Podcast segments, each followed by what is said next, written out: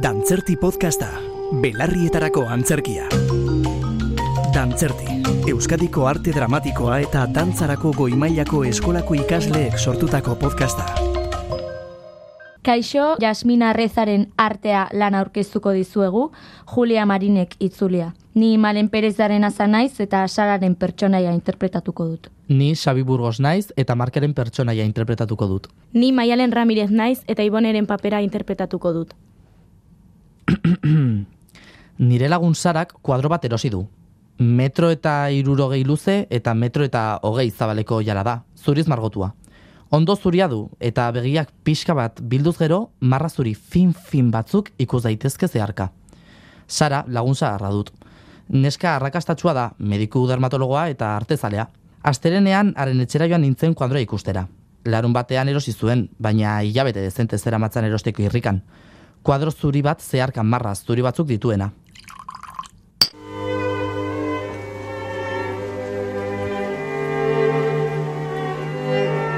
Garestia, Bost. bost, Huntington Press zegok berriz erosteko bost eta bosteunean. nor da hori, Huntington, ez dinat ezagutzen. Huntington, Huntington galeria. Handington galeria prest dago berriz erosteko bost eta bosteunean? Ez, galeria ez. Bera, Huntington bera, Eta zergatik ez du Handingtonek berak erosi. jende horri partikularri saltza interesatzen zaiok. Merkatuak mugitu egin behar dik. Ah, Eta? mm, Hor leku txarra nago, begiraiok hemendik. Ikusten aldituk marrak, nola ditzen da? pintorea. Antrios, Ezaguna? oso, oso. Sara, bost milioi pezeta ordaindu ditun kuadronen truke. Hori du prezioa motel, antrios bat duk, Ez ditun ordaindu bost milioi pezeta kuadronen truke. banekian ez zuela gustuko izango. Bost milioi pezeta ordaindu ditun kuadronen truke. Kakautxadun eta. Nire lagun Markel oso mutil jatorra da. Estimo handitan daukat aspalditik. Ingeniari aeronautikoa da, ondo kokatua dago. Intelektual berri horietako bat da. Modernitatearen etxai izatearekin askiez eta ahobetean esaten du gainera, lotxa izpirik gabe. Azken da honetan, izugarrizko arropuzkeria zabaltzen ari da lehengo garaiz zorion nostalgia sentitzen dutenen artean.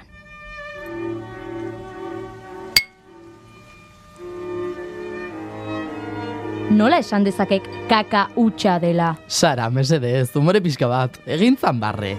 Emakumea barre egin. Arrigarria dun kuadro hau erosi izana. Harrigarria iruditzen zaik koadroa erosi izana? Oso ondo.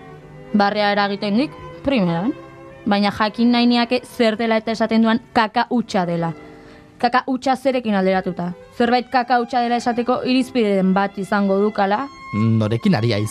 Norekin ari aiz une honetan. Hiri ezaik interesatzen pintura garaikidea. Ezaik sekula interesatu. Ezakik deus horretaz, nola esan dezake kaka hutsa dela ez badituk ezagutzen obra hori epaitzeko erabiltzen diren legeak. Kakautxadun, sentitzen dinat. ez zai gustatzen kuadroa. Bat ere sentiberatasunik ezaren jarreran, inolako aleginik ez. Samurtasun arrastorik eh, ez bere kritikan. Irribarre arroputz eta zital batu isterik ez. Dena inork baino hobeto ezagutzen duenaren irribarrea. Ezin dut eraman irribarre hori.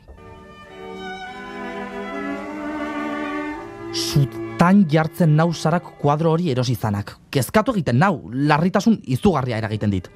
Haren etxetik irten dakoan, hiru pilula hartu behar izan dituen. Jelsenium bederatzi CH. Pabloak aldetu zidan, Jelsenium ala Inglantia. Eh? Zer nahiago duzu, Jelsenium ala Inglantia. Eta nik zer dakit? Uf, Ezin dut ulertu nola erosi duen sarak kuadro hori. Bost milioi, neska ez da aberatsa. Bizimodu erosoa darama, hori bai, baina besterik ez eta bost milioi gastatu ditu oial zuri batean. Ibonerekin hitz egin behar dut. Bai, Ibonerekin hitz egingo dut. Bion laguna da eta. Baina Ibone oso neskatolerantea da. Eta hori da giza harremanetan eduki daiteken akatsik larriena. Ibone tolerantea da bostaso la- zaiolako dena. Ibonek onartzen badu sarak bost milioi gastatu izan akaka zuri horretan, horrek esan nahi du Iboneri bostazola zaiola sara. Hori garbi dago. Zertan ari aiz? Errotuladora bilatzen, Tira, uztan. duela bost minutu eskuan neukan. Berdin dun. Ez, Utzi, erosiko dun beste bat. errotuladore bereziak dituk, edo zein azaletan marrastekoak. Amorro ematen zidak, ezin duk imaginatu ze baldarra naizen gauzekin. Kontra jartzen zaizkidak beti, suto egiten naitek. Hemen neukan oraintxe. Onatorriko zarete bizitzera. Egokia iruditzen bikote gazte batentzat. Bikote gaztea. Eta papertegia? Ondo, ari nauk ikasten. A- Argaldegi naiz. Pixka bat.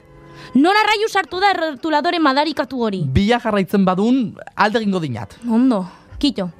Zerbait hartu nahi duk? Bai, biodramina bat, zorabiatzen ari naun.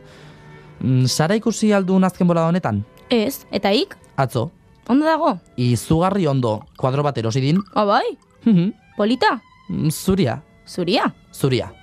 Imagina ezan, oial bat metro eta irurogei luze, eta metro eta hogei zabal, ondo zuria, eta diagonalean marra zuri fin, fin, fin batzuk zeharka, ulertzen? Eta nola ikus daitezke marra zuriak ondoa ere zuria baldin bada? Ba, ikusten direlako. Ze marra grisaskak dituk, eta ondoa zuria, edo alderantziz. Alegia, nabardurak daudela zurian. Zuriak duk, baina ez duk zuria. Esadi aserretu, zergatik aserretzen naiz. Ibeti zirika, utzidan bukatzen. Bale, segi? Tira, orduan ikusten duen kuadroa. Ezin argiago. Orain easmatzen dunan zenbatetan erosi duen sarak. Nor da pintorea? Antrios. Ospetsua? Banekian galdera hori egingo didala. Logikoa? Ez, ez dun logikoa. Horixe dela logikoa. Prezio asmatzeko eskatu didak, eta ik ederki asko dakik prezioa pintoreak duen ospearen araberakoa dela. Nik ez dinat eskatu kuadroaren balorazioa egiteko irizpideren baten arabera. Ez dinat eskatu balorazio profesional bat. Nik galdetu diat, ik, ibonek zenbat ordainduko lukeen erosketa honen truke. Hau da, kuadro zuri bat marratxo zuri edo zuriska batzuekin apainduta. Sentimo bakar bat ere ez. Hori ba, eta sarak. Botazan kopuru bat. Irureun mila, Ba.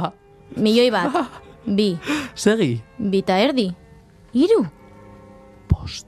ez. Bai, Bost kilo! bost kilo. Erotu egin duk, Bai ez da, baina pff, baina zer.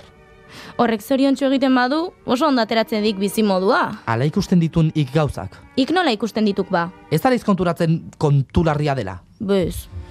markadu gero historio honen garrantziaz ez jabetzea.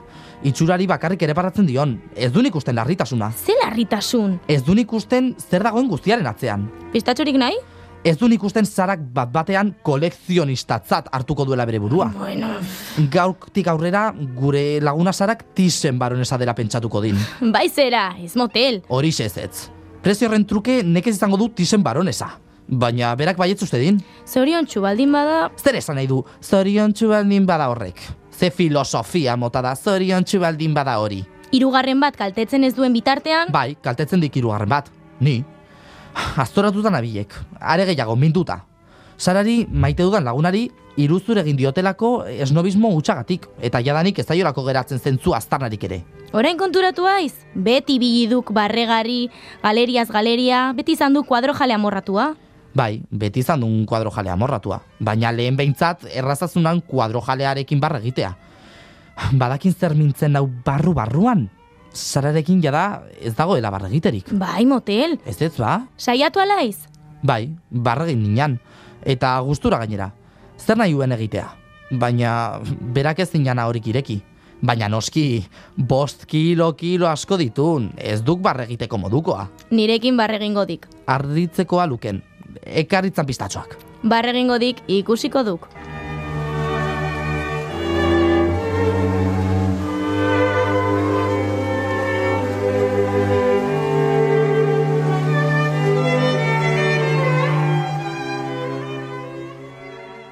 Dantzerti, Euskadiko arte dramatikoa eta E dantzarako goimailako eskolako ikasleek EITB podcasterako sortutako podcasta.